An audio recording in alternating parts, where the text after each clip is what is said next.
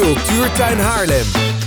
Meer cultuur voor jong en oud. Overal in Noord. Iedere laatste zondag van de maand. Met muziek, theater, films, boeken en workshops. Voor jong en oud. Bekijk en reserveer voor het Cultuurtuinprogramma op cultuurtuinhaarlem.nl. Cultuurtuin Haarlem staat zaterdag 24 juni op het festival Zomer in de Zane. Het enige festival van Haarlem-Noord in het Zanepark. Samen met Verhaalhuis Haarlem en Muziekhuis 023 is er een 6 uur durend programma samengesteld. Met jeugdtheater en muziek. De optredens vinden allemaal plaats in de grote cultuurtent. Om half drie start theatergroep Dender voor kinderen vanaf 5 jaar met hun cartoontheater Bliep Bliep.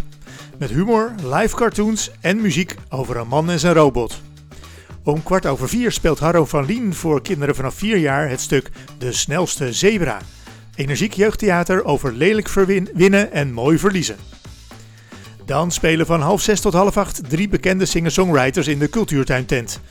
De Australische Romy B trapt af, gevolgd door de emo-songs van The Bear Named Sully. En tenslotte speelt Rob Acta voorrondewinnaar Lucas Rens zijn funky bedroom pop. Deze maand dus niet op zondag, maar een dagje eerder op zaterdag 24 juni in het Zanepark in Haarlem-Noord.